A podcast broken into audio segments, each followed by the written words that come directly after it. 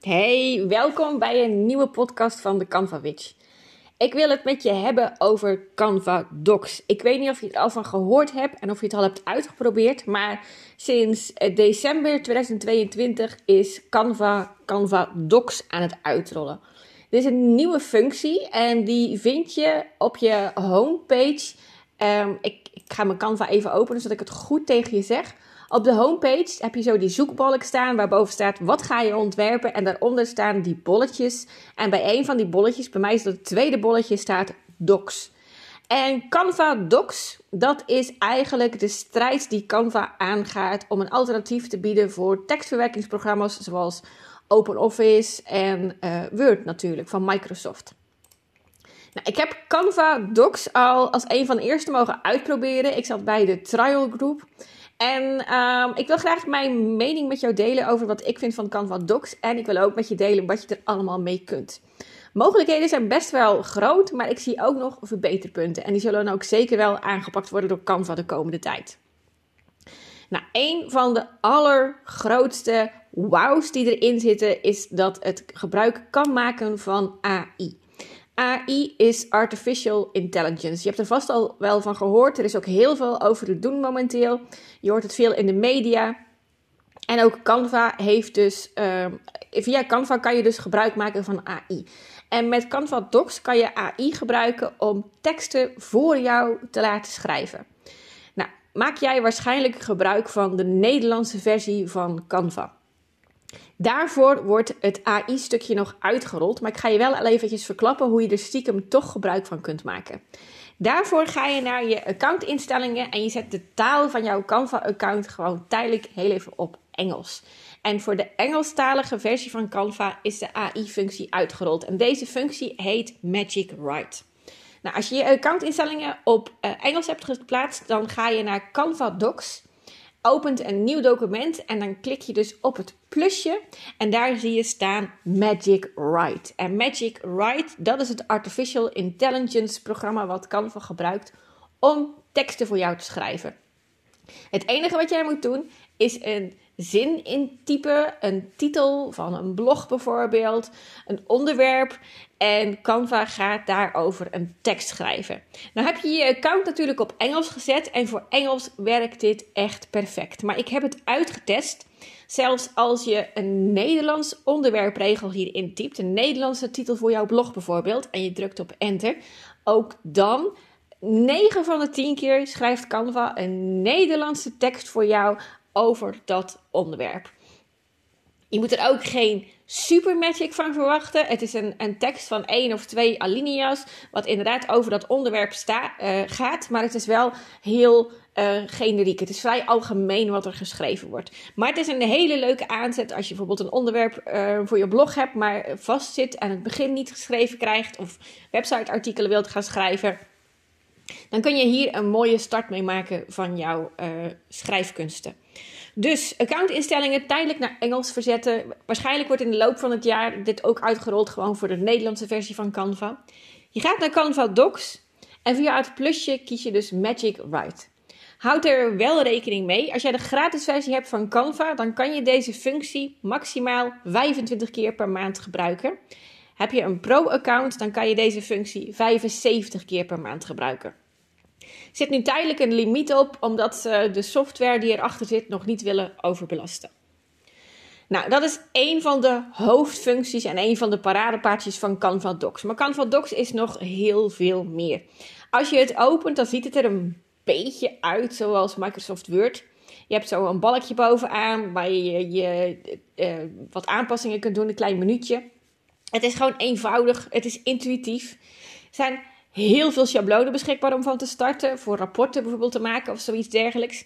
En je kunt ook in jouw Canva doc, in jouw ja, geschreven document dan zeg maar, elk ontwerp uh, toevoegen wat je al eens in Canva hebt gemaakt.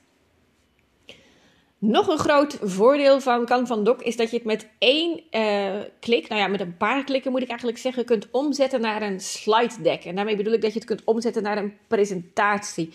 Ook een hele fijne toevoeging. Zeker als je documenten binnenkrijgt of die met een groep gemaakt zijn en je wilt daar uiteindelijk een presentatie van gaan maken, kost je een paar klikken en alles wordt omgezet uh, in een presentatie. Inclusief alle teksten, inclusief alle afbeeldingen.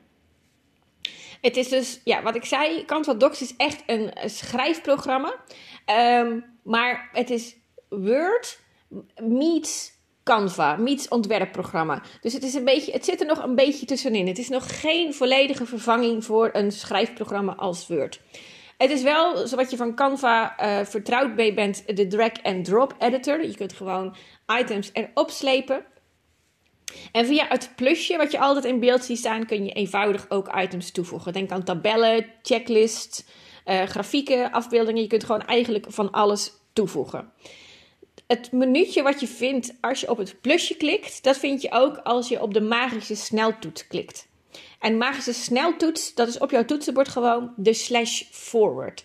En op een QWERTY toetsenbord vind je die bij het vraagteken. Nou, nog een voordeel van Canva Docs is je kunt er gewoon uh, in real-time met anderen in samenwerken. Geldt niet alleen voor Canva Docs, moet ik zeggen, maar voor elk Canva ontwerp. Het is cross-platform uiteraard, zoals Canva gewoon is. Je kunt het gebruiken op je desktop, in je browser, je tablet en op je telefoon. En waar ik wel mogelijkheden zie voor de toekomst, is dat je met uh, alle uitbreidingen van Canva straks niet meer hoeft te switchen tussen verschillende programma's. Je hebt gewoon straks alles op één plek staan. Je kunt met Canva nu al websites maken. Je kunt je presentaties maken met Canva. Je kunt natuurlijk je afbeeldingen maken. Het is gewoon een vervanging voor heel veel andere software. Alles staat straks lekker op één plek. Um, in Canva Docs heb je ook toegang tot alle Canva apps. Dus je kan ook heel eenvoudig uh, van die emoticons toevoegen aan je Canva Doc. Um, leuke karaktertjes of je giffies kan je toevoegen. En uiteindelijk, als jouw doc klaar is, of als het nog niet klaar is, je kunt het online delen. Uh, kijkers kunnen er doorheen scrollen en het is ook interactief. Kijkers kunnen op linkjes klikken. En degene die het document bekijkt, hoeft geen Canva-account te hebben. En nog een hele positieve iets vind ik dat je daar je statistieken van kunt zien. Je kunt zien uh, hoe vaak het uh, bekeken is en hoe vaak er op linkjes is geklikt. Nou, dat waren heel veel pro's. Uh, maar ik heb natuurlijk ook nog een paar cons. Een paar dingen waarvan ik echt nog wel verbetering zie. En dat is als je een document gaat maken in Canva Docs. Het is niet afgekaderd. Het is een document wat maar door blijft lopen aan de onderkant. Het zijn geen A4-pagina's. Het is gewoon één super lange pagina zonder ondergrens. Dus, dus geen eindpagina. En dat is best wel uh, handig als je dat een online document gaat gebruiken en online wilt gaan delen.